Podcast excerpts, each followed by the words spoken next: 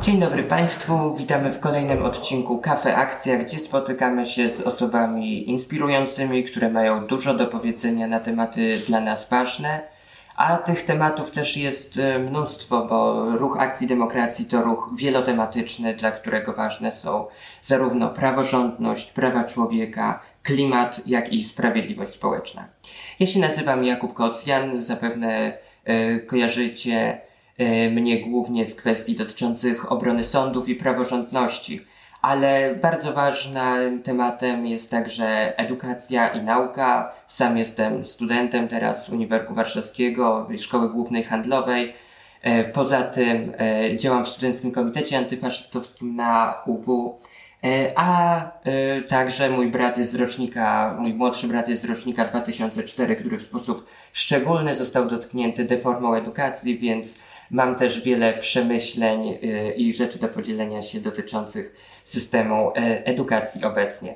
E, bardzo się cieszę, że zaproszenie na nasze dzisiejsze spotkanie przyjęła Dorota Łoboda, która jest e, bardzo zaangażowana w kwestie dotyczące edukacji, nauki, zarówno obecnie, jak i już wcześniej, jako liderka ruchu Rodzice Przeciwko Deformie Edukacji, a, obecnie także Radna Miasta Stołecznego Warszawy. Dzień dobry.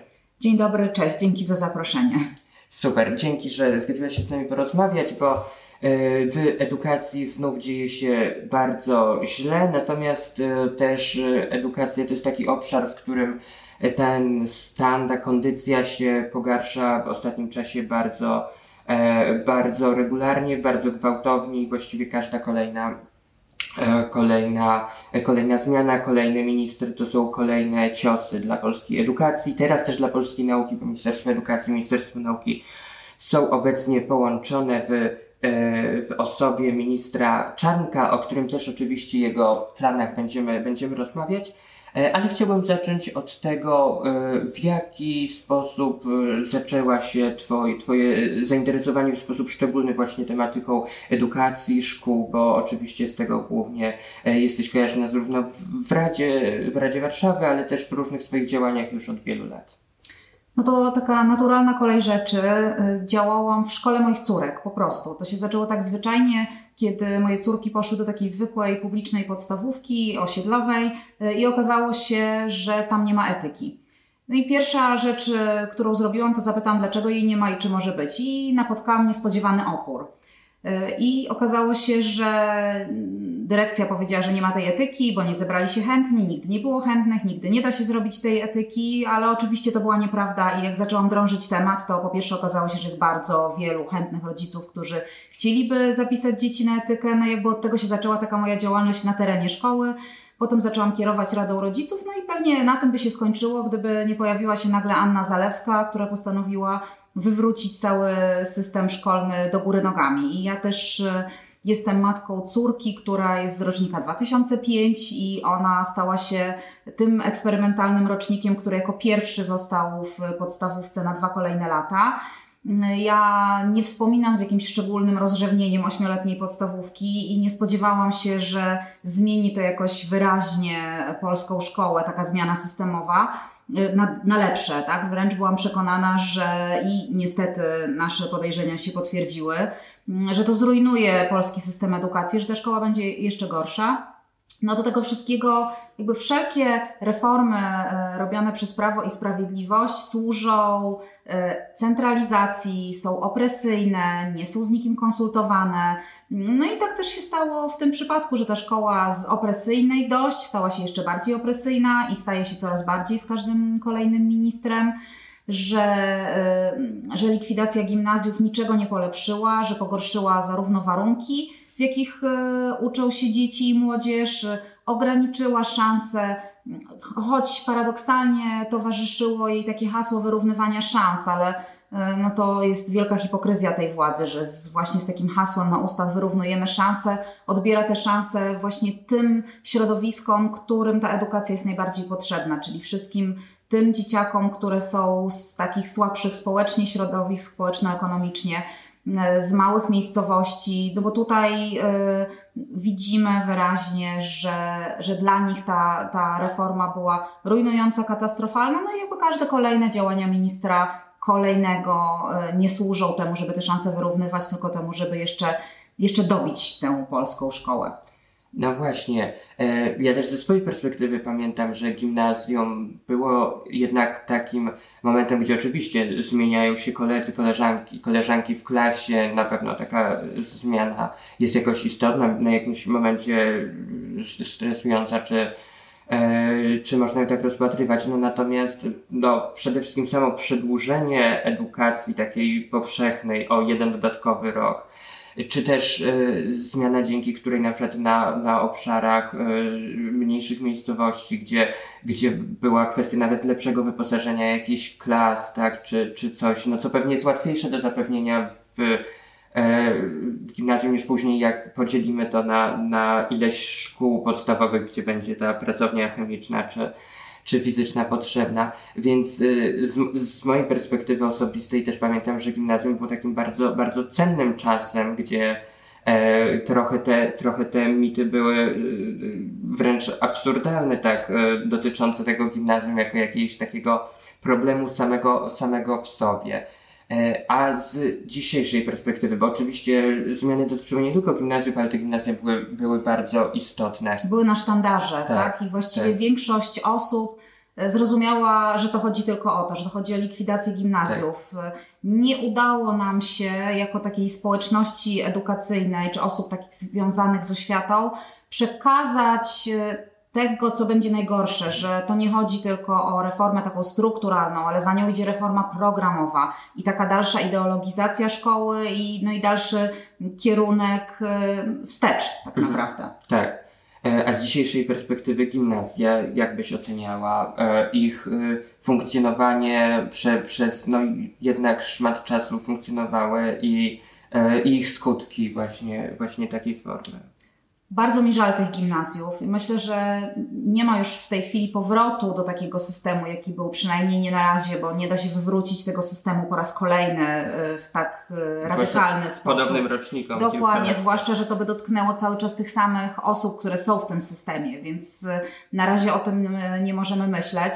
Natomiast y, ja gimnazja y, oceniam bardzo dobrze i ten czas, w którym nasza oświata była taka trzystopniowa, że była szkoła podstawowa, gimnazjum i potem y, szkoła pogimnazjalna, czy to liceum, technikum, czy szkoła zawodowa, które teraz się nazywają branżowymi, Mm, to naprawdę był dobry i dobrze funkcjonujący system. Poza pierwszymi latami związanymi z chaosem, ale to jest naturalne, że kiedy wprowadza się jakąś zmianę, no to początkowo towarzyszy jej chaos. I też ta zła opinia gimnazjów zrodziła się właśnie wtedy, kiedy one zostały tworzone, kiedy to nie działało tak dobrze, e, to, to jakby e, w tym momencie zaczęła się za nimi ciągnąć ta zła sława takich szkół, które, e, które po pierwsze nie wiadomo są po co, nie wiadomo jak funkcjonują, a po drugie, że tam kumulują się młode osoby w trudnym wieku i że e, to powoduje nasilenie różnych wychowawczych problemów, no to nasilenie wychowawczych problemów wynika z wieku, a nie z typu szkoły.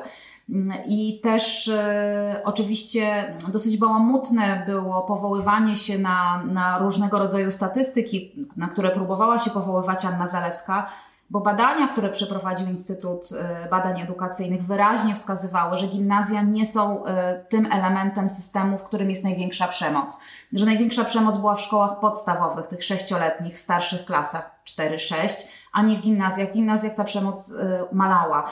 Więc y, jakby zupełnie ten argument y, nie był trafiony. No i to, o czym Ty powiedziałeś, co jest niezwykle ważne, że nasz system zapewniał y, w tym, w tym momencie, kiedy to było 6 plus 3, 9 lat obowiązkowej edukacji ogólnej. Natomiast po zmianie systemu y, tych lat obowiązkowej edukacji ogólnej jest 8 i nieprawdą jest, y, co mówiła Anna Zalewska, że to jest dokładnie to samo, że to jest 8 plus 4, a wcześniej było 6 plus 3 plus 3. Nieprawda, bo dla niektórych to jest 8 plus 3 lata szkoły branżowej, dla niektórych to jest 8 plus nic, dlatego że idą już gdzieś na jakieś kształcenie takie zawodowe i nikt nie pilnuje tych młodych osób, które wypadają po podstawówce z systemu. Ja też pamiętam to z moich czasów, y, że ktoś kończył podstawówkę i już nie szedł nigdzie dalej, y, szedł na jakieś przyuczenie do zawodu, system już nie ścigał takiej osoby, no bo ona już y, nie była w szkole rejonowej. I zrobiliśmy coś niebywałego, coś, co nie dzieje się w żadnym europejskim kraju. Każdy europejski kraj próbuje wydłużyć czas edukacji ogólnej, dlatego że to jest szczególnie ważne dla osób y, właśnie ze słabszych społeczno-ekonomicznie środowisk. Natomiast my zrobiliśmy krok wstecz, niebywały, nikt tak nie zrobił nigdy, czyli skróciliśmy czas obowiązkowej edukacji ogólnej i to z obu stron obciliśmy, bo też Anna Zalewska swój pierwszy krok, y, jaki wykonała, to było y, wycofanie obowiązku wychowania przedszkolnego dla dzieci pięcioletnich. I to już nawet nie chodzi o powrót do wieku szkolnego siedmiu, dla siedmiolatków, bo ja byłam zwolenniczką szkoły dla sześciolatków, ale jakby nie to jest najgorsze, co się wydarzyło, że przywróciliśmy te siedem lat jako start szkolny. Tylko, że wycofaliśmy obowiązek przedszkolny dla pięciolatków. W dużych miastach nie ma to żadnego znaczenia. W dużych miastach 100% pięciolatków wchodzi do przedszkola.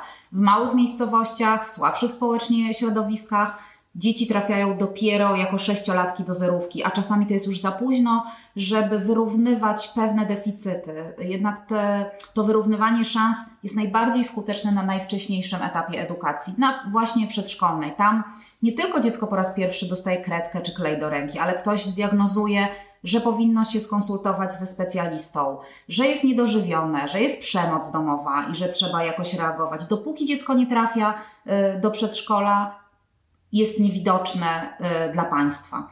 Y, I, jakby to, to, jest, to jest kolejna rzecz, którą po prostu PiS zrobił źle, bardzo źle i, i myślę, że oczywiście skutki są odroczone, no bo to nie jest tak, że po roku widzimy wielką różnicę, ale tę różnicę będziemy widzieć, te różnice edukacyjne pomiędzy miastem a wsią, które są w Polsce, będą rosły właśnie chociażby z tego powodu.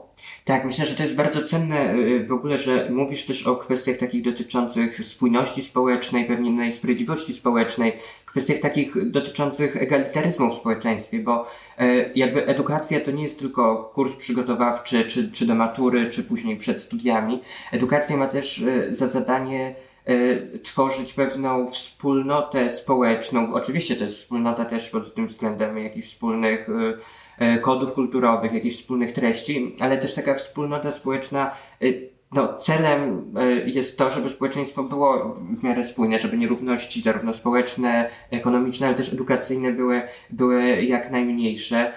To jest też kwestia duże, dużej różnicy, tak, na przykład w społeczeństwach, między społeczeństwami europejskimi a amerykańskimi, że to jest taki nasz cel bardzo, e, bardzo istotny.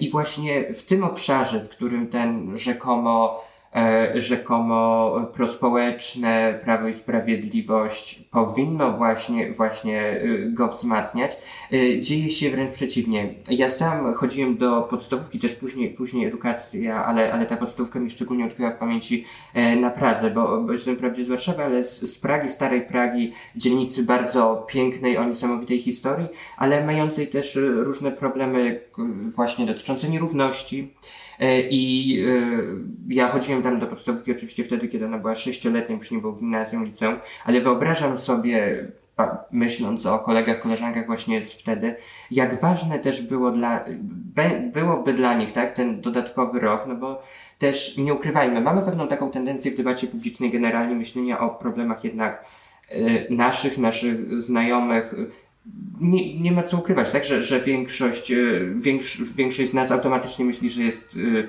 podstawówka, tamto gimnazjum jest, czy nie ma li, liceum, a później studia. Jest jednak taki kierunek, to jest ten kierunek, o którym myślimy w sposób bardzo naturalny, ale jednak to nie jest jakby jedyna droga, nie jest wyłączna droga właśnie. E, super, że wspomniałeś o szkołach branżowych czy, czy, czy, czy zawodowych. Jak tam właśnie e, widoczne są skutki, są skutki tych zmian, bo też tam pamiętam było bardzo dużo chaosu dotyczącego i tego właśnie, że zmieniał się ten wiek, że, że to wszystko było w pośpiechu bardzo zmieniane, no i wyobrażam sobie, że tam te straty mogą być szczególnie istotne. Tak, no to, to dotykamy bardzo istotnej kwestii i ja powiem, e, że moje doświadczenie też było takie, że ja zaczęłam protestować przeciwko reformie edukacji bo moja córka nie będzie miała takiego fajnego gimnazjum, jak miała jej starsza siostra. Jakby od tego się zaczęło. Zaczęłyśmy w swojej bańce tak naprawdę. To ten ruch Rodzice Przeciwko Reformie Edukacji stworzyły matki, które chciały, żeby ich e, córki, bo akurat byliśmy matkami córek, poszły do dobrego gimnazjum. I jakby dopiero z czasem też ta moja droga bardzo i moja postawa bardzo ewoluowała, bo im bardziej ja się w to zagłębiałam, tym bardziej zobaczyłam, że to tak naprawdę nie chodzi o te wysoko funkcjonujące dzieci z dużych miast, które sobie poradzą w każdym systemie, czy to będzie 6 plus 3 plus 3, czy to będzie 8 plus 4, bo właśnie dla nich to będzie dokładnie to samo i dla nich nic się nie zmieni. I też często wiele osób mi mówiło, no ale wiesz co, po co ty to robisz? Przecież twoja córka sobie poradzi. No tak, tylko że to nie o to chodzi, że właśnie to, o czym Ty powiedziałeś, że ten system szkolnictwa publicznego powinien wyrównywać szanse i nie powinna w nim sobie poradzić moja córka czy dziecko innych rodziców, którzy w razie czego przeniosą je do szkoły niepublicznej, prywatnej, dowolnej innej i poradzą sobie w każdej sytuacji, tylko ta szkoła powinna, i tu wracam, po prostu będę powtarzać w kółko, ona powinna wyrównywać szanse każdemu. No i rzeczywiście te osoby, dla których to będzie 8 plus 4, no to zostawmy, są pewne niedogodności tego systemu, ale one sobie z tym poradzą, skończą dobre czteroletnie liceum, e, pójdą na studia, jakby tu się nic nie zmienia. Natomiast e, duża grupa osób, która e, po szkole podstawowej pójdzie do szkoły branżowej pierwszego stopnia, bo stworzono coś takiego jak szkoły branżowe pierwszego i drugiego stopnia, po pierwsze ma o rok mniej tej edukacji ogólnej. Po drugie, tak naprawdę ma zamkniętą drogę do matury, dlatego że rząd opowiadał oczywiście jakieś bajki o tym, że po tej y, trzyletniej szkole branżowej pierwszego stopnia będzie można iść do szkoły branżowej drugiego stopnia, która będzie się kończyła maturą. maturą. Tylko tam drobnym drukiem było dopisane, ale pod warunkiem, że ta osoba samodzielnie nadrobi różnice programowe i się przygotuje do tej matury.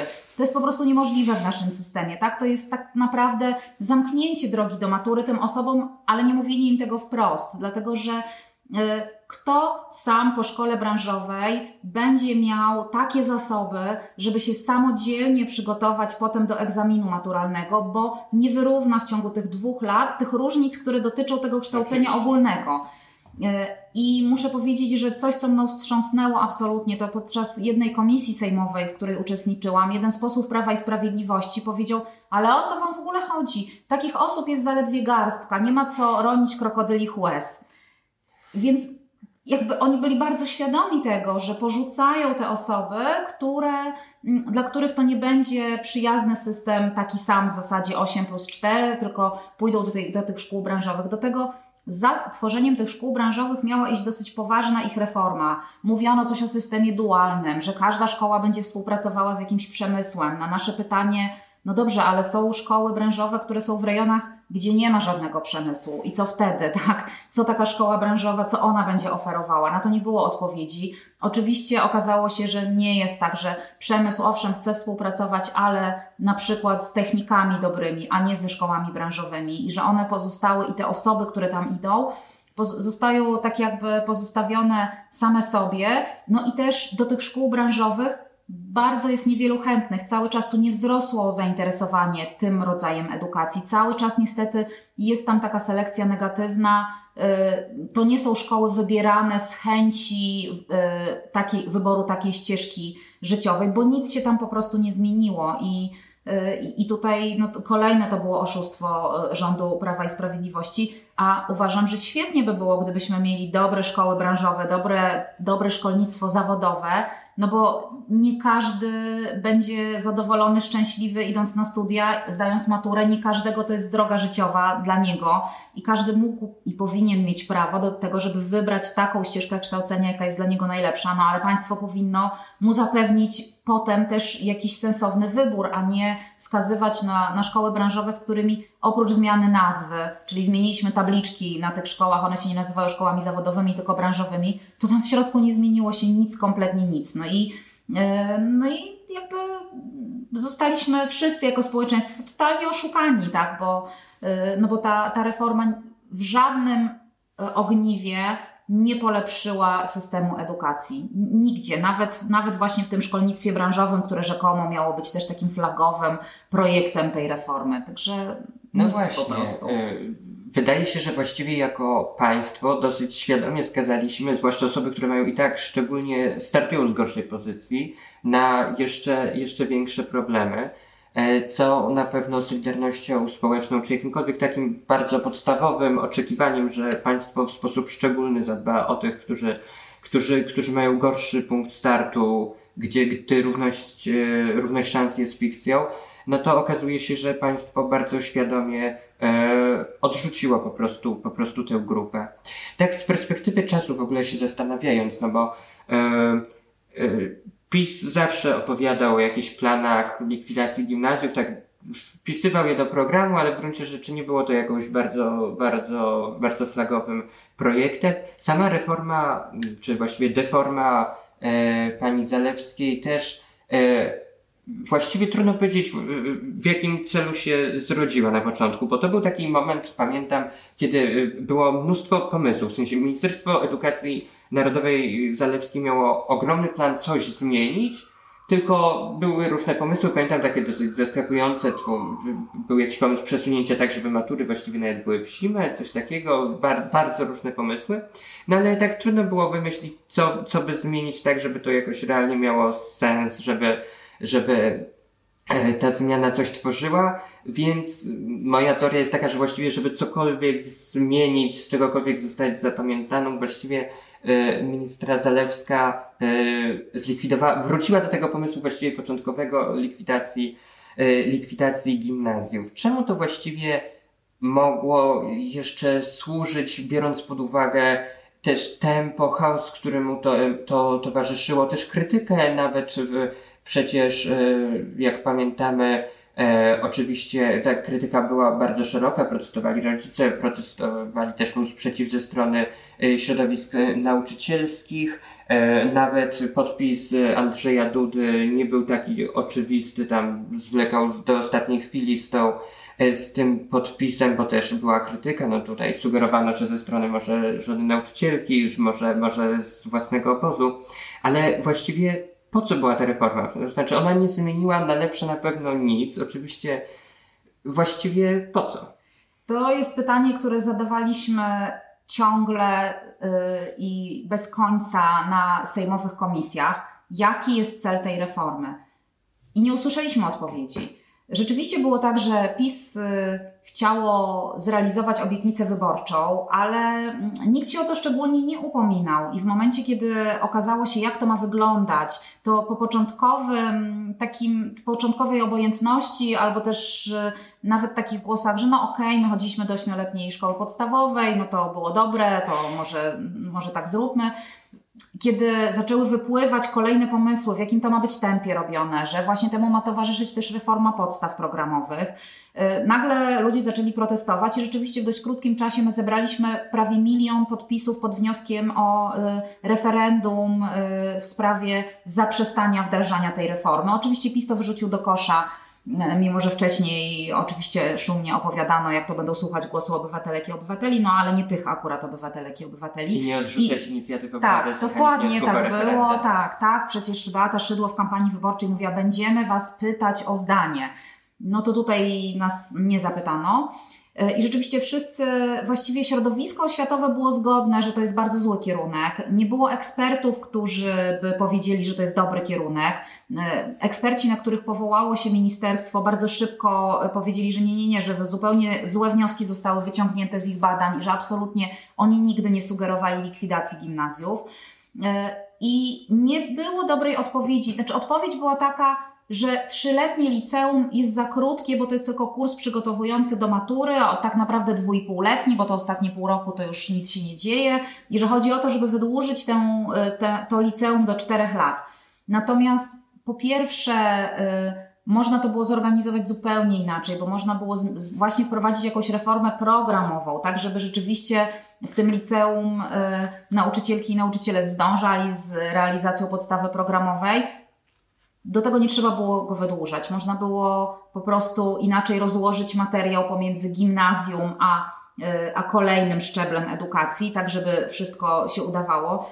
Poza tym to nic nie wnosi. Ja doskonale pamiętam e, ze swojego liceum, że nauczyciele również nie zdążali z materiałem i również przed maturą się okazywało, że czegoś nie zdążyliśmy i również kończyliśmy naukę historii na II wojnie światowej i naukę literatury również na literaturze wojennej. Nigdy się nie zdążało, więc tu jest gdzieś indziej błąd, a nie w długości tego akurat etapu edukacyjnego. I mogę się założyć, że moja córka, która będzie za dwa lata pisała maturę, również w czwartej klasie się okaże, że czegoś nie zdążyli, bo no bo ta podstawa programowa jest zbyt przeładowana po prostu i to jest problem. Nie, że mamy za mało czasu, tylko że za dużo próbujemy wcisnąć w tę podstawę programową i to jest y, błąd bo, bo od wielu lat ciągnący się, a wręcz się pogłębiający. Ona z każdym kolejnym ministrem jest coraz bardziej szczegółowa, coraz więcej jest wymagań i jakby i to, i to jest problemem, a nie kwestia długości. I to ale właściwie to, że to liceum ma być czteroletnie, to był jedyny argument, który się pojawiał e, w debacie, że, że to chodzi o to, żeby wrócić do,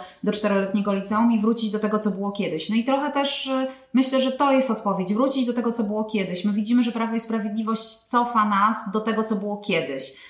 Czyli cofamy się do czasu, kiedy szkoła była scentralizowana, bo pewnie o tym będziemy za chwilę rozmawiać, Dokładnie. ale kolejna reforma idzie jeszcze dalej w tym kierunku. Chodzi o to, żeby szkoła była zideologizowana, żeby tam nie było demokracji i wolności w nauczaniu, żeby nauczyciel i nauczycielka nie mieli autonomii, tylko żeby musieli realizować szczegółowe wytyczne ministra, które są wytycznymi partyjnymi i my już to widzimy. E, widzimy w zmianach lektur, widzimy w zmianach chociażby tego, co się, co się dzieje, nie wiem, w podręcznikach do biologii. E, ja sobie obejrzałam podręcznik do biologii mojej starszej córki z gimnazjum i jakby na tym samym etapie podręcznik do biologii mojej córki w klasie siódmej, tej młodszej. I na przykład wypadła kompletnie antykoncepcja.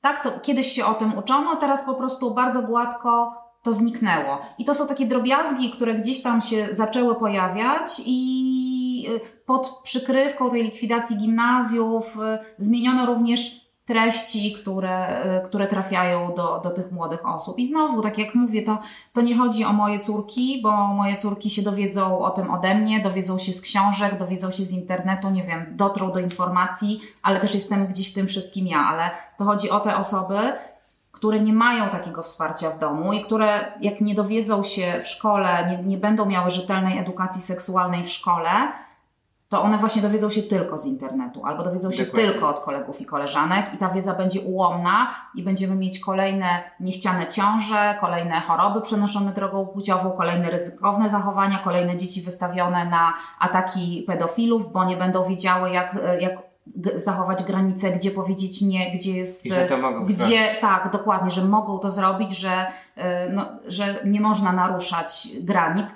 Tego się nie dowiedzą w szkole, jakby to jest coś, co gdzieś tam płynnie, y, nie od razu oczywiście, tylko takimi sobie małymi kroczkami zaczyna znikać z podręczników, bo to nawet nie chodzi o to, to co, co tam jest wprowadzane, tylko to, co stamtąd znika. Y, a znika bardzo wiele różnych, zniknęła edukacja antydyskryminacyjna na przykład, tak? To była też, zresztą Ordo Juris wprost o tym mówi i Janna Zalewska się do tego przyznała, że za namową Ordo Juris zniknęła, zniknęły elementy edukacji antydyskryminacyjnej ze szkół, więc to jest coś, co po prostu sobie znika, a w zamian za to będziemy mieć kolejną porcję Jana Pawła II, ideologicznych różnych bredni, które wtłacza próbuje wtłaczać do głów kolejny minister. Dokładnie, bo e, oczywiście szkoła nie była idealna i też nikt tak nie twierdzi. Ja sam trudno jest mi sobie przypomnieć, żeby na biologii faktycznie mówić o tej antykoncepcji. Może była jedna strona w podręczniku, warto na jakieś zadanie na klasówce, że tam antykoncepcję mechaniczną rozróżnić tutaj coś, ale ale na pewno dużo, na pewno ta kwestia takiej ideologizacji nauki i tak dalej była obecna, natomiast nie na takim poziomie bardzo scentralizowanym, odgórnym narzucaniu. Wiele zależało oczywiście zawsze od kwestii e, czy nauczyciela, czy też jakiejś takiej kwestii, e, kwestii takiej też, czy mentalności, czy, czy, czy takich już bardzo, bardzo prawicowych, bardzo konserwatywnych, E, ruchów, fal, które, które już wcześniej przecież płynęły, płynęły do edukacji. Ja WDŻ-ty pamiętam miałem tylko w podstawówce w gruncie rzeczy, też, też dosyć krótko. Etyka też w gimnazjum i liceum, nie chodziłem na religię, etyka y, czasami była taka opcja, natomiast no, czy jeżeli w poniedziałek od 8 do 16 chodzi się w szkole, to jest fajnie poczekać na 17 czy 18 tego samego dnia. Teraz jak pracuję i studiuję i to łączę, to już ma, widzę jakąś trudność w tym, żeby 9, 10, 11 godzin dziennie coś robić. Myślę, że tym bardziej jako nastolatkowie nie jesteśmy zbyt chętni, żeby E, żeby zostawiać sobie do 17 posłuchać czegoś na, na etyce, która nieprzypadkowo jest wtedy e, umiejscowiona. E, dlatego mm, też jest dla mnie ciekawy ten, ten wątek ideologizacji różnych kwestii, no bo on się będzie teraz, teraz nasilał zdecydowanie wraz też z nowym, z nowym ministrem, ale jeszcze zanim o Czarnku, to no mieliśmy trzech, trzech ministrów, ministra Zalewska, minister Piątkowski, minister Czarnek. Y, o Czarnku teraz dużo mówimy, zaraz do tego przejdziemy. Ministra Zalewska no, jest bohaterką tej rozmowy ze względu na to, że cała, e, cała kwestia i gimnazjów, i deformy edukacji to było jej właściwie główny, główny cel, bo przecież planowała od początku dostać się do Europarlamentu, później to była jej główny, główny plan, więc chciała się jakkolwiek, nieważne właściwie czy dobrze, czy źle, zapisać czymkolwiek. I zapisała się. Tak, to jej się udało bez wątpienia. Wracamy do niej wielokrotnie, więc, więc ten cel osiągnęła, choć do Europarlamentu ledwo się dostała i została później prześcignięta nawet przez, y, przez panią Beatę Kempę z bardzo duży, dużą przewagą, co jednak jest niesamowite jak na ministrę, ministrę rządu startującą z jedynki. Natomiast chciałem, y, chciałem właśnie o ministra Piątkowskiego też y, zapytać, bo e, była ministra Zalewska, jakby jej, jej urzędowanie zakończyło się już wielkim strajkiem, w którym już właściwie w ogóle, mimo że była ministrą edukacji, już nawet nie próbowała cokolwiek E, cokolwiek ingerować. Podpisy zostały zmielone dotyczące referendum wcześniej. E, tobie się nie udało e, faktycznie wygłosić nawet z tego co pamiętam swojej świetnej, świetnej mowy przy okazji tego referendum. Bo... I tam się pojawił minister tak. Piątkowski właśnie, bo to on miał wystąpienie klubowe i to on je sobie przygotował w taki sposób, żeby atakować Sławomira Broniarza i jemu było bardzo niewygodnie, żeby ten wniosek o referendum prezentowała matka. I dlatego też marszałek Sejmu na dwie godziny przed moim wystąpieniem w Sejmie powiedział, że nie wyraża na to zgody i że wniosek ma prezentować Sławomir Broniarz, bo właśnie yy, ówczesny poseł Piątkowski miał tak przygotowane swoje wystąpienie, żeby uderzyć e,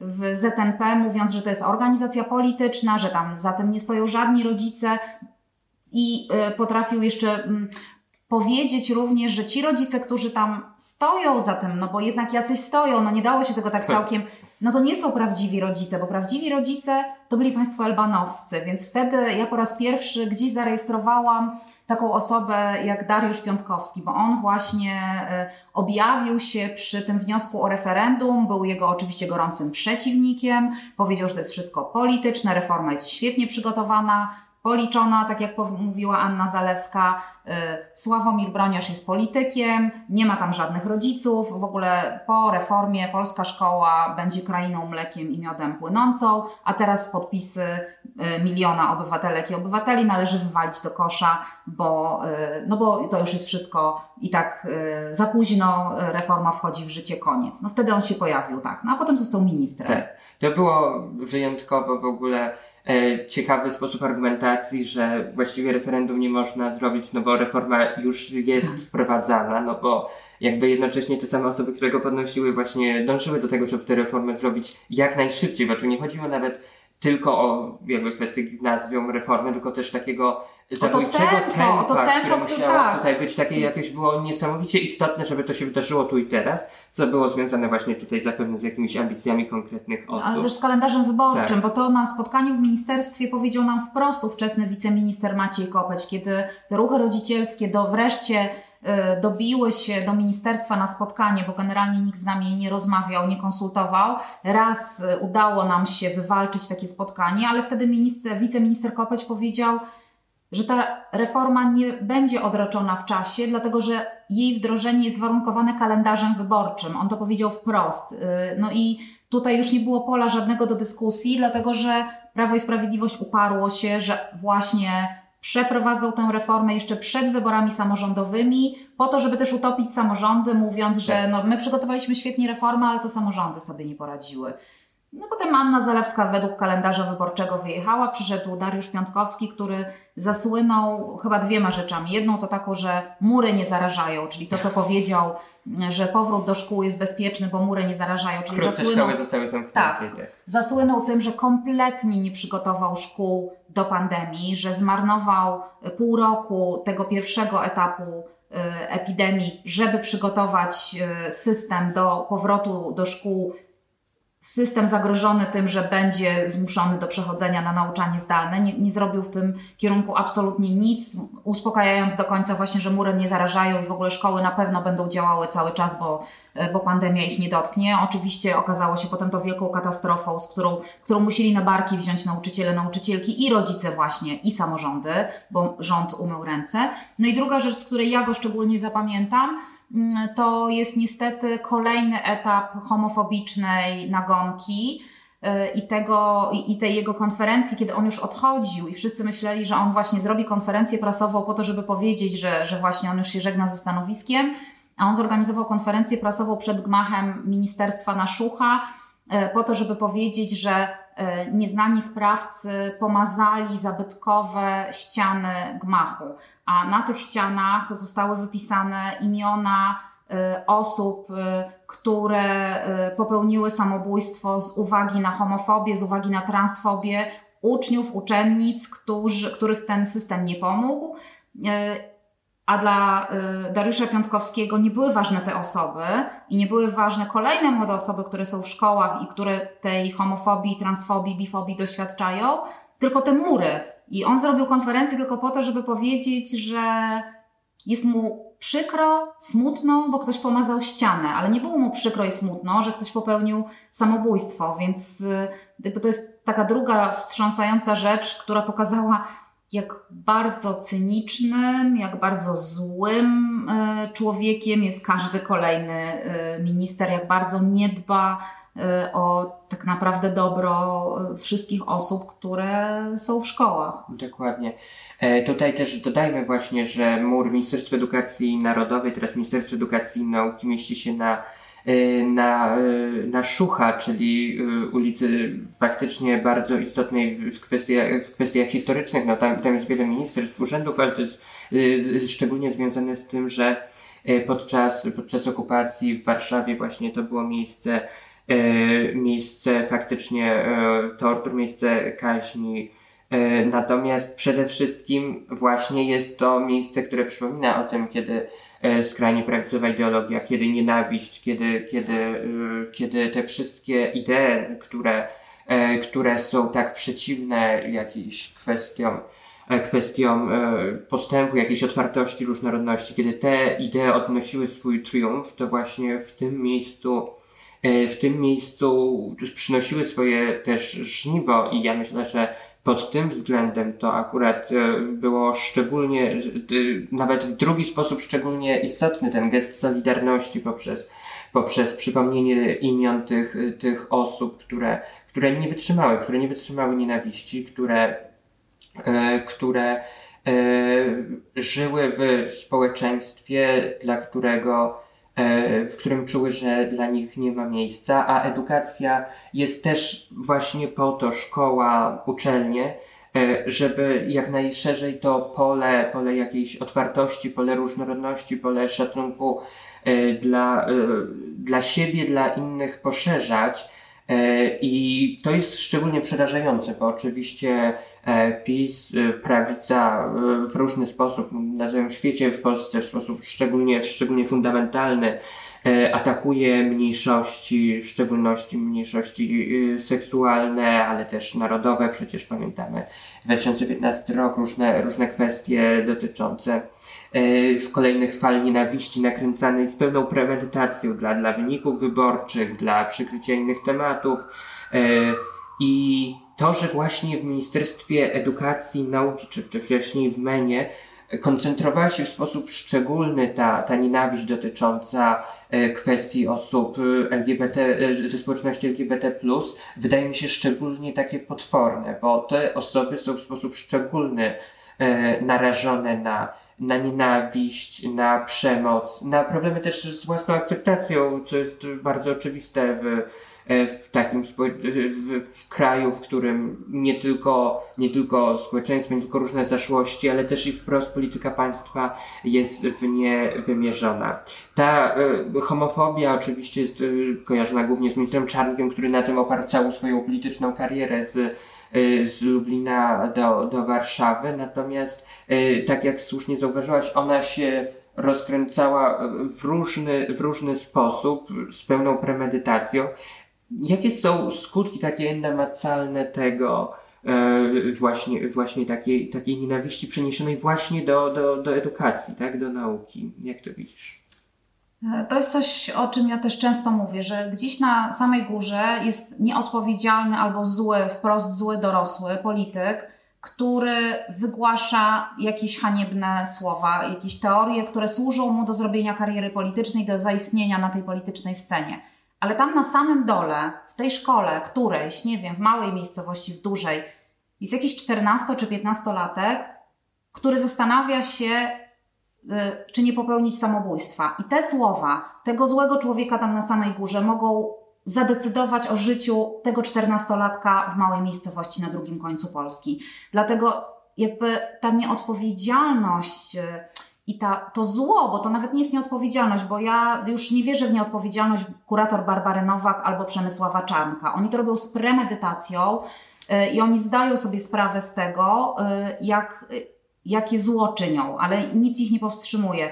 Jakby wpływ, a to ma wpływ na życie bardzo konkretnych osób, dlatego że one bardzo często nie mają wsparcia również w domu, bo często jest tak, i o tym doskonale wiemy, że również rodzina nie akceptuje osób transpłciowych, na przykład, albo y, młodego geja czy lesbijki.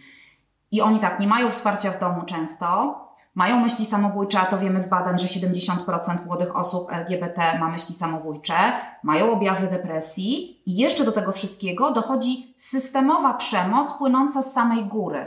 E, I nawet jeżeli e, w szkole znajdzie się nauczyciel czy nauczycielka, którzy chcą udzielić wsparcia e, takiej młodej osobie, to po pierwsze nie mają do tego narzędzi, po drugie za chwilę będą się bali konsekwencji, kar, wyrzucenia z pracy i tak dalej, i tak no bo jakby ten sygnał płynie z góry, on sobie spływa do dyrekcji szkół, które powiedzą, nie róbmy tęczowego piątku, dlatego że będziemy mieć kłopoty. I będą mieć kłopoty i my o tym już doskonale wiemy, bo wiemy, że szkoły, które robiły tęczowe piątki, które są absolutnie w ogóle lajtową i jakby no, nie można się przyczepić w żaden sposób do tej akcji, są oddolną, robią to uczniowie, uczennice, nikt nie wchodzi z zewnątrz do szkoły. Chodzi o to, żeby wywiesić plakaty, żeby okazać swoje wsparcie, żeby pokazać akceptację dla różnorodności właśnie i też pokazać że ta różnorodność jest wartością, bo nie mówmy też ciągle o tym, że, że, że kogoś trzeba wspierać. Ten ktoś też jest wartościowy, tak? I on też wnosi coś do naszego społeczeństwa właśnie tą swoją różnorodnością.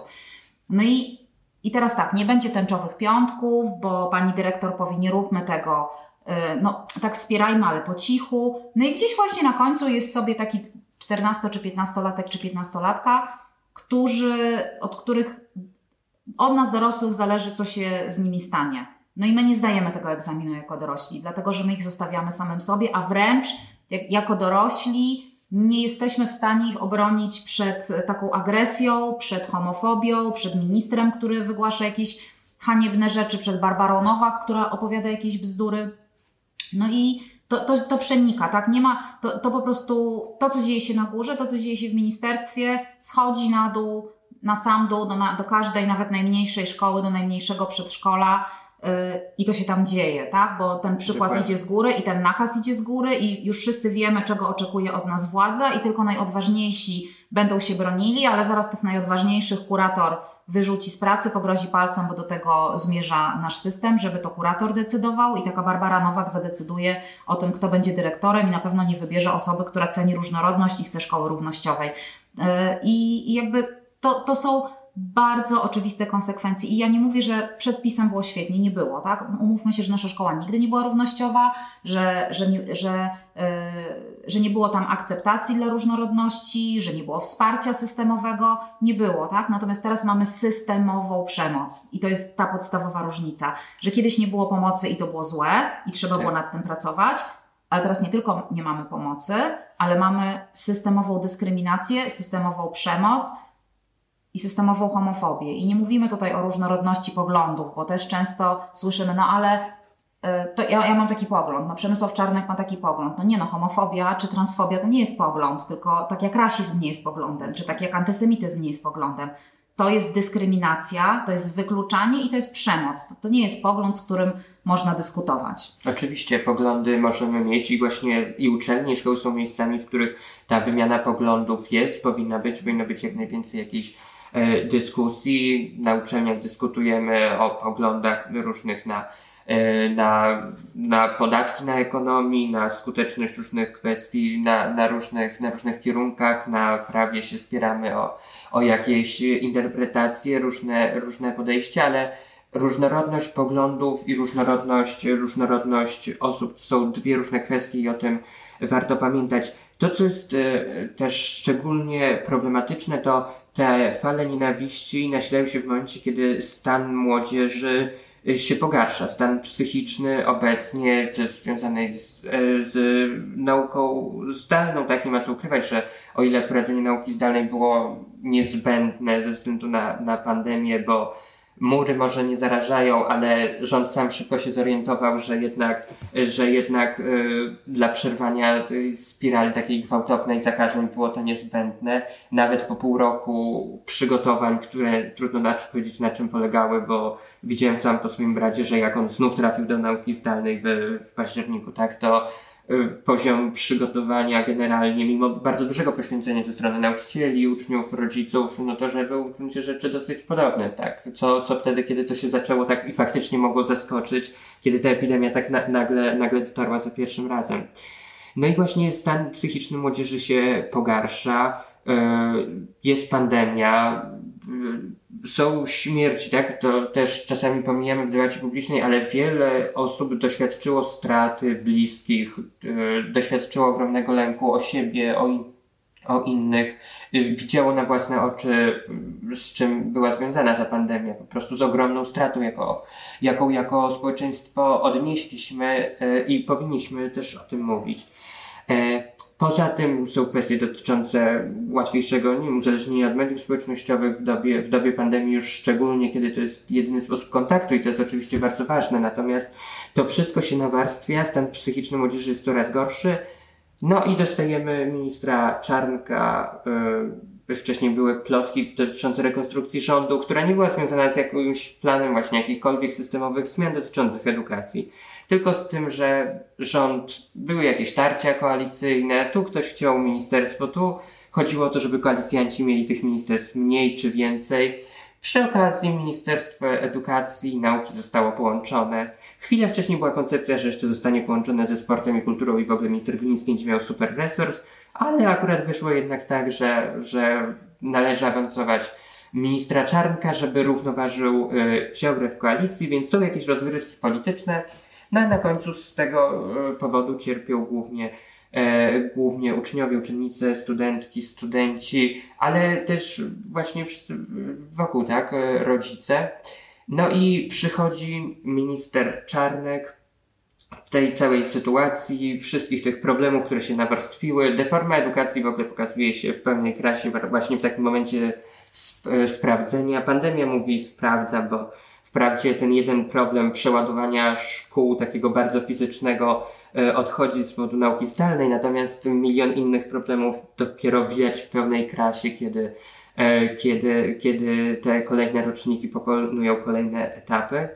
E, no właśnie, minister Czarnek. Tutaj są nowe propozycje dotyczące, dotyczące kuratorów między innymi, i ich roli. Tutaj wymienialiśmy na przykład nazwisko e, Barbary Nowak. Ona jest kuratorką województwa małopolskiego. To jest w ogóle ciekawa sprawa, że tak dużo osób kojarzy, kojarzy yy, kuratorkę, tak? Zwykle pan kurator, to pamiętam, był taki urzędnik ważny. Którego tak? nazwiska nikt nie zna. Nazwiska za bardzo. Podpisywał się na przykład na dyplomach dotyczących z konkursów kuratoryjnych. Z tego, z tego go, go pamiętam, widziałem parę razy na tego typu różnych uroczystościach, coś tam miłego, ładnego, oficjalnego opowiedział, yy, podał rękę tam różnym laureatom, finalistkom różnych konkursów. No i właściwie tyle. Tutaj nazwisko Barbary Nowak kojarzy cała cała Polska, bo wyspecjalizowała się po prostu w, w represjach i w represjach i samemu szerzeniu nienawiści jako, e, jako ona. Właściwie z czym się, się wiąże właśnie rola kuratorów? Dlaczego ona jest tak ważna w tym wszystkim, co jest teraz tutaj planowane? E, no, kuratoria to są takie organy nadzoru e, pedagogicznego, czyli mają dbać o to, żeby, e, no, żeby ten proces dydaktyczny w szkołach przebiegał jak najlepiej. No to tak w skrócie. Ale tak naprawdę one wcale tego nie robią już od bardzo długiego czasu, bo stały się takim organem właściwie kontrolno-zastraszającym i mm, nie słyszałam nigdy, żeby kuratorium rozwiązało jakikolwiek problem, który się zrodził na terenie szkoły. E, raczej wysyła kontrolę, sprawdza dokumenty i wymierza różnego rodzaju kary. E, I teraz e, dostanie jeszcze dodatkowe narzędzie. Do tej pory ta, ta rola kuratoriów była równoważona poprzez rolę organu prowadzącego, czyli w zdecydowanej większości samorządu, że jednak był ten podział, za prowadzenie szkół odpowiadały samorządy, a, a kuratorium było właśnie od tego nadzoru pedagogicznego i od tego wręczania dyplomów i podpisywania się na dyplomach.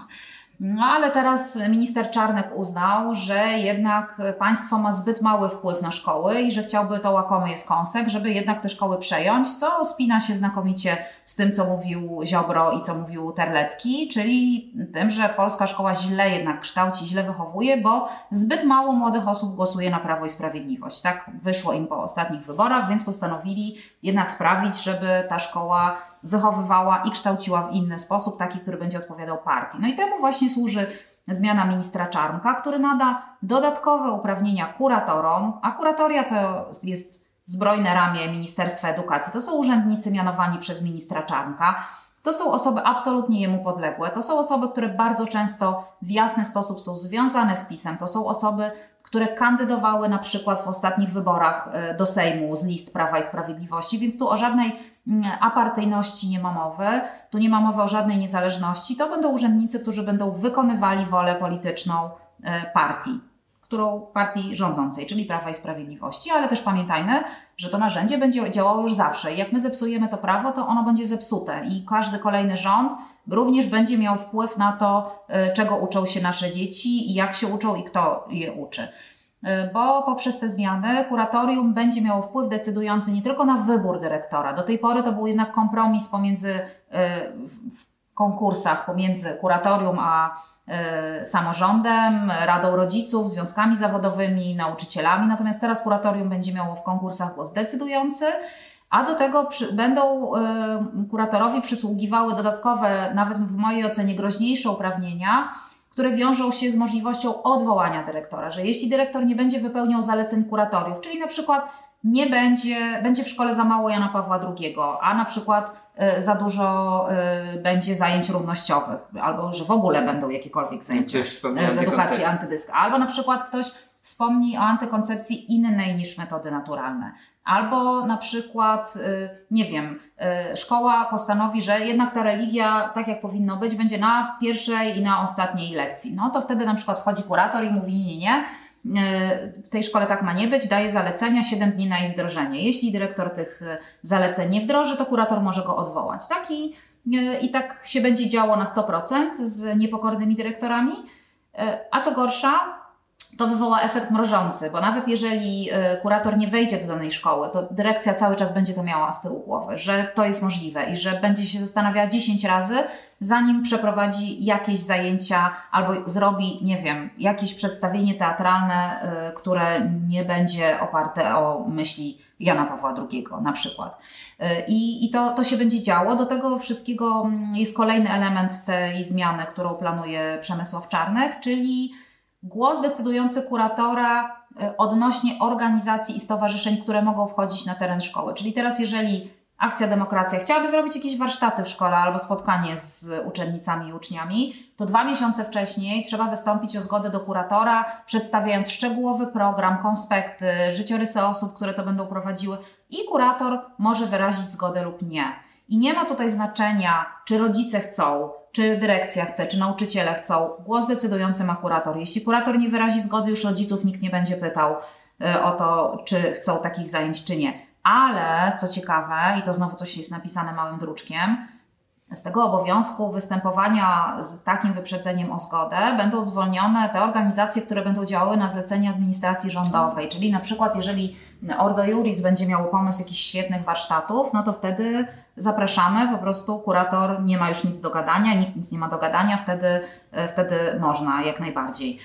I to, to jest niezwykle groźne, bo to też y, sprawi, że tych zajęć takich prowadzonych przez organizacje w ogóle nie będzie, bo one też często są realizowane z potrzeby chwili, bo na przykład wydarzyła się jakaś historia przemocowa w szkole i wzywa się jakąś organizację, która ma przepracować to, tak? Wchodzą interwentki, wchodzą osoby, które prowadzą warsztaty takie antyprzemocowe, antydyskryminacyjne ale my nie wiemy dwa miesiące wcześniej, że to się wydarzy, tak? My nie wiemy, że na przykład y, za dwa miesiące jakaś uczennica albo uczeń podejmie próbę samobójczą i że będzie potrzebna, potrzebne wsparcie całej grupie rówieśniczej i trzeba będzie interweniować, a szkoła sobie nie poradzi własnymi zasobami z tym, bo nie poradzi sobie, bo nikt nie jest na to przygotowany, od tego są specjaliści.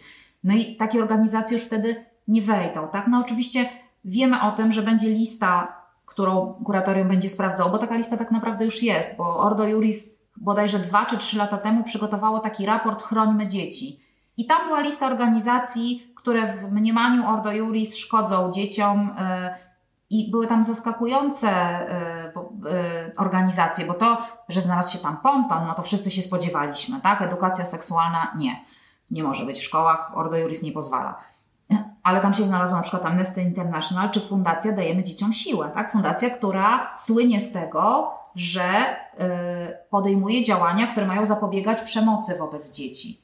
Ona również znalazła się na takiej liście, więc, więc już wiemy, że, że te szkoły będą podlegały całkowicie i w wymiarze takim systemowym, bo kuratorium będzie decydowało o tym, kto będzie prowadził szkołę i jak ją będzie prowadził, również po y, decyzje programowe, no bo raz, że nie będą mogły te organizacje pozarządowe, niezależnie od woli rodziców, wchodzić do szkoły, ale też wiemy, cały czas pamiętajmy, że Przemysław Czarnek planuje również y, reformę podstaw programowych, tak? Żeby, było, żeby były inne lektury, żeby było narodowo, żeby było patriotycznie, żeby było po katolicku, żeby nie było nic równościowego, żeby nie było edukacji antydyskryminacyjnej, żeby nie było demokratycznie, żeby nie można było przeprowadzać debat, żeby szkoła, nie wiem, nie rozmawiała o konstytucji, no i tak dalej, i tak dalej, tak?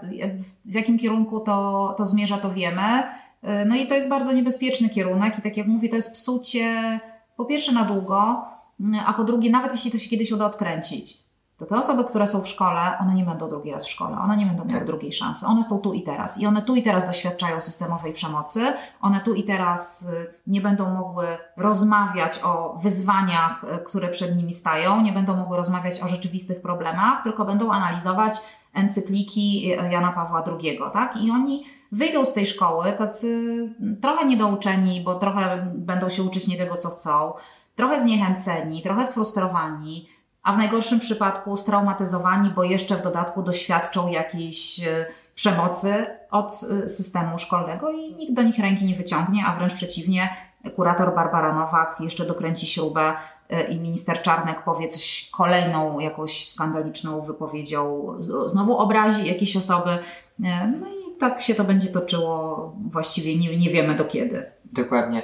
Te zmiany są bardzo groźne na wielu poziomach, bo z jednej strony ja bardzo dobrze też widzę ten efekt mrożący w szkołach. Rozmawiałem też z, z nauczycielką taką bardzo doświadczoną, taką mającą silne poczucie niezależności z racji działalności w Solidarności, na przykład bardzo długi czas y, podczas Solidarności, podczas stanu wojennego, po nim, przed nim. E, I jakby ta atmosfera w szkole, zarówno takiej autocenzury, cenzury, jak i takiego po prostu, e, po prostu też fanatyzmu, w sensie trochę takiego szukania po prostu, gdzie tu jest zagrożenie. zagrożenie polegające właśnie na takim odwiedzaniu. Ja sam też miałem taką osobiście historię, kiedy naprawdę do świetnej szkoły mógłbym i planowałem przyjść, odwiedzić właśnie w kwestii, opowiadając o kwestiach dotyczących działalności społecznej, E, czy, czy też po prostu, nie wiem, doradzić uczniom a propos tego, nie wiem, przecież to jest czas, kiedy się wiele osób zastanawia, w którą stronę iść, na jakie studia, bym opowiedział, łączenie studiów z pracą, różne takie kwestie, które mogłyby być ciekawe, może tak, może nie, natomiast e, no jednak są takie kwestie, takie sytuacje, w których jednak mimo świetnych osób wszędzie wokół jest jednak poczucie, że, że lepiej jednak zrezygnować z czegoś takiego po, po dłuższym namyśle. No bo można mieć kłopoty, tak? tak? Bo można tak. mieć kłopoty, można y, mieć kontrolę z kuratorium, teraz można będzie stracić pracę, y, można trafić do sądu, bo w skrajnych przypadkach y, Ordo Juris mówi, my zapewniamy opiekę i wsparcie prawne rodzicom, którzy czują, że ich prawa w jakiś sposób zostały naruszone. No i teraz, jak, czy one zostały naruszone, czy nie, jeśli były jakieś zajęcia z których można było zrezygnować, można je było wybrać. No, tak, no, jeżeli ja nie chcę, żeby moje córki uczestniczyły w jakichś zajęciach, no to je na nie nie zapisuję, ale nie mam pretensji, że one są organizowane. Oczywiście, o ile one nie łamią prawa, tak i tam nie są wtłaczane treści sprzeczne y, z, jakby, z obowiązującym prawem, tak? Czyli na przykład jeśli weszłoby ONR do szkoły, no to tak, protestowałabym, bo to jest organizacja, która powinna zostać zdelegalizowana. Natomiast jeżeli to są, nie wiem, ktoś przyjdzie i będzie jakaś organizacja, nie wiem, opowiadała o jakieś, nie wiem, analizowała właśnie rzeczone encykliki, no to ja nie zapisuję na to moich córek, są zajęcia dodatkowe, ktoś sobie życzy, tak. Ale dlaczego Przemysław Czarnek chce decydować za nas wszystkich, na co my chcemy posyłać nasze dzieci? No bo jeżeli, yy, dodam, że na pewno na tej liście znajdą się też organizacje, które na przykład mówią o katastrofie klimatycznej albo o prawach zwierząt, no bo nie spodziewam się, żeby Przemysław Czarnek uważał, że zwierzęta mają jakiekolwiek prawa i żeby chciał, aby tego rodzaju wiedza e, i tego rodzaju postawy były szerzone e, w szkole. No pamiętajmy, że, że to będzie tylko i wyłącznie taka nauka i taka wiedza przekazywana, która jest spójna ze światopoglądem ministra Czarnka. A jaki on jest, no to my wszyscy wiemy. Oczywiście, zresztą też y, tworzeniu tej atmosfery bardzo e, może, można to bardzo łatwo zobaczyć. Ostatnia niby afera polegająca właściwie na tym, że e, gdzieś, e, gdzieś uczniowie szkoły byli na wydarzeniu Tour de Konstytucja. Po prostu rozmowa o konstytucji z sędziami sama w sobie już jest zagrożeniem. Tam już była oczywiście w taki sposób bardzo charakterystyczny dla, dla prawicowych mediów. E, prześwietlona dyrektorka, oczywiście co robiła, nauczycielki, dlaczego, co, co tutaj e, i jak, ale widzimy, gdzie to, gdzie to zagrożenie będzie umieszczane.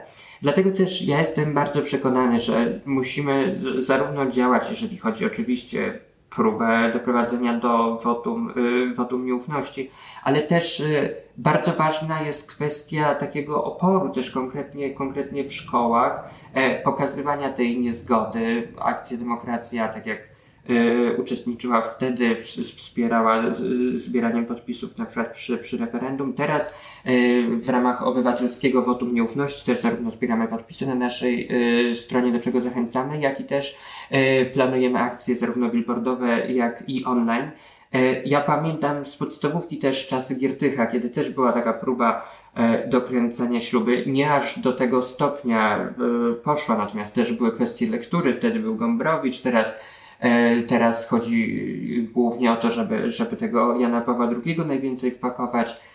Ale to, jest też, to też ma takie bardzo wymierne skutki, nawet poza, poza samą taką ideologizacją, ale no jednak, oczywiście mamy bardzo różne zainteresowania jako uczniowie, uczennice, ale wyobrażam sobie, że jednak masowe czytanie encyklik w porównaniu do, nie wiem, Rafała Kosika, Felix Netinika ma, ma, ma zostać, pamiętam, usunięty. To już nawet y, niezależnie, ja sam byłem po prostu wielkim fanem i po kilkanaście razy chyba całą serię przeczytałem, natomiast y, y, tu też po prostu jest kwestia tego, co może zainteresować młodego człowieka, tak? Jeżeli chodzi o, o lektur, no bo szkoła też y, trwa jakiś czas, ale chodzi o to, żeby też coś zaproponowała, nie narzuciła, ale zaproponowała na przyszłość.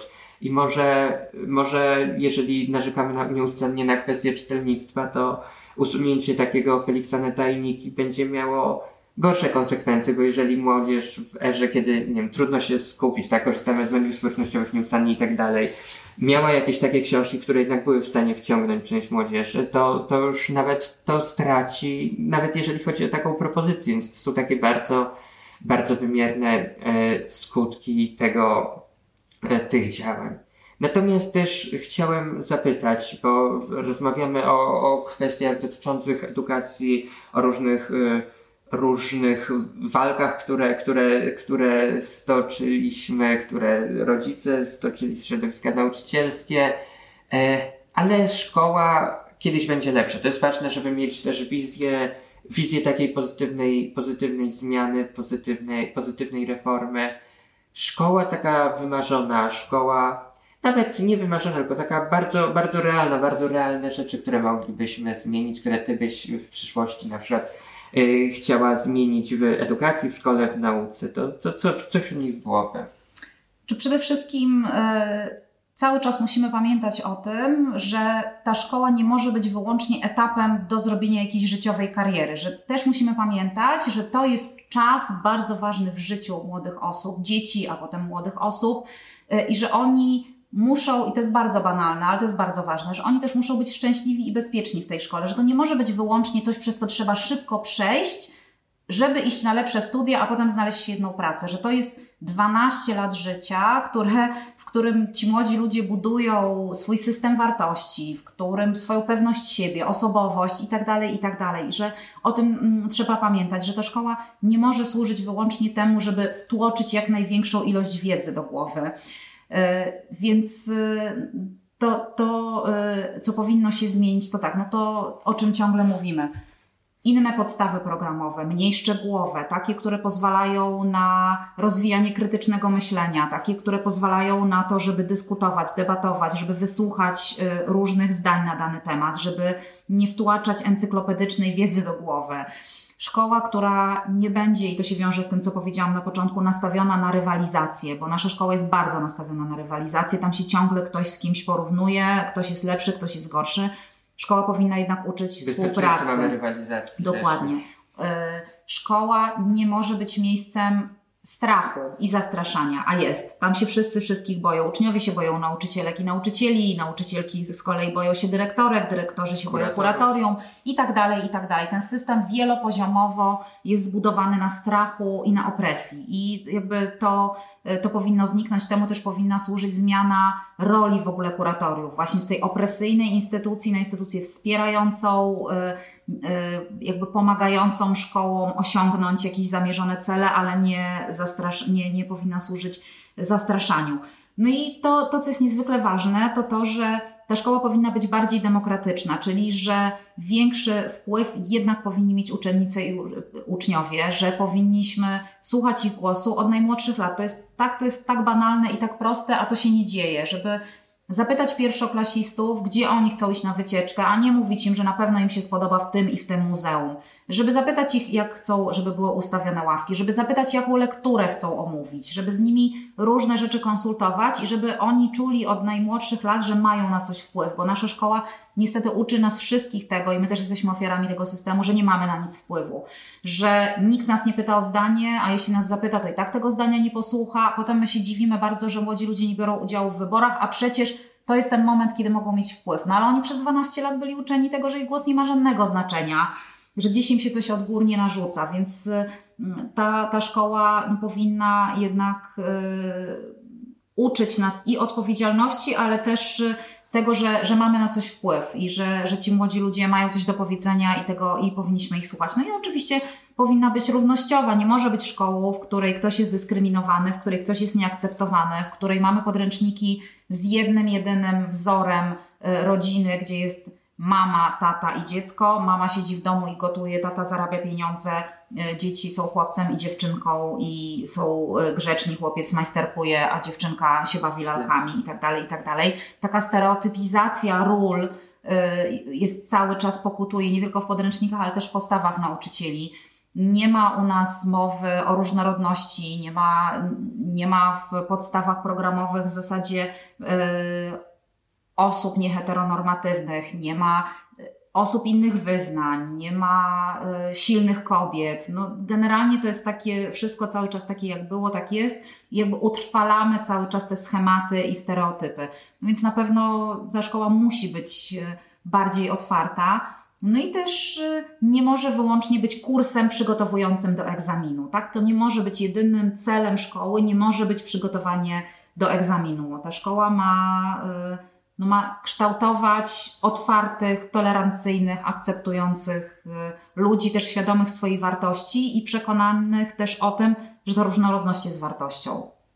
Super, pewnie do takiej szkoły z, większy, z większą chęcią, z większym, z większym zapałem byśmy, byśmy chodzili. Tak y, przy okazji, bo, bo to jest y, ciekawa kwestia, mówiłaś o, o głosowaniu w wyborach.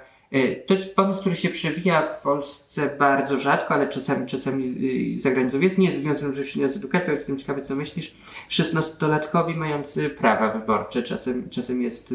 Ja jestem jak najbardziej za. Naprawdę. Super. To nie da, nie możemy porównywać też obecnych szesnastolatek i szesnastolatków do tego, jacy my byliśmy ileś tam lat temu. Oni są dużo bardziej świadomi, dużo bardziej często zaangażowani, mają dużo większy dostęp do informacji, są obywatelsko, jeśli są zaangażowani, to są bardzo zaangażowani rzeczywiście i umieją świadomie podejmować decyzje. Moim zdaniem zdecydowanie już te, to 18 lat to jest to jest wiek, który powinien być zdecydowanie obniżony. Jeśli zgadzamy się, że 16-latka y, może urodzić dziecko i założyć rodzinę, ale nie może zagłosować w wyborach i nie może iść samodzielnie na przykład do lekarza, jakby to są takie zaszłości czasów minionych, jakby świat się zmienia, tak? I ta młodzież też jest zupełnie inna i y, zarówno powinna mieć prawo wyborcze wcześniej, jak i na przykład możliwość y, korzystania z opieki lekarskiej bez obecności e, osoby dorosłej, tak? No bo, e, no bo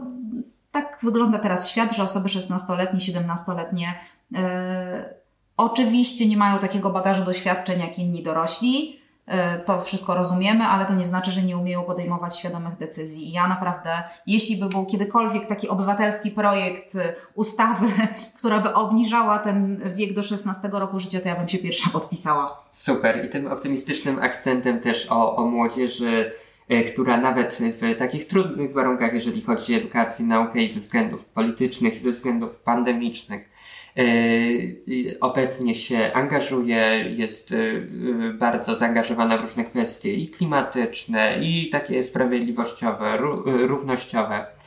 E, z takim optymistycznym akcentem chciałbym zakończyć. Bardzo Ci dziękuję za tę rozmowę. Myślę, że myślę, że bardzo, bardzo fajnie dużo, dużo rzeczy pokazała, jeżeli chodzi o, o kwestie i samej deformy edukacji, ale i tego, jak teraz E, jakie teraz są zagrożenia, ale i szanse, szanse na przyszłość, bo e, o to chodzi, żeby świat zmieniać, e, zaczynając i od tego bliskiego otoczenia, ale i o to, żeby wprowadzać zmianę jak najbardziej systemową.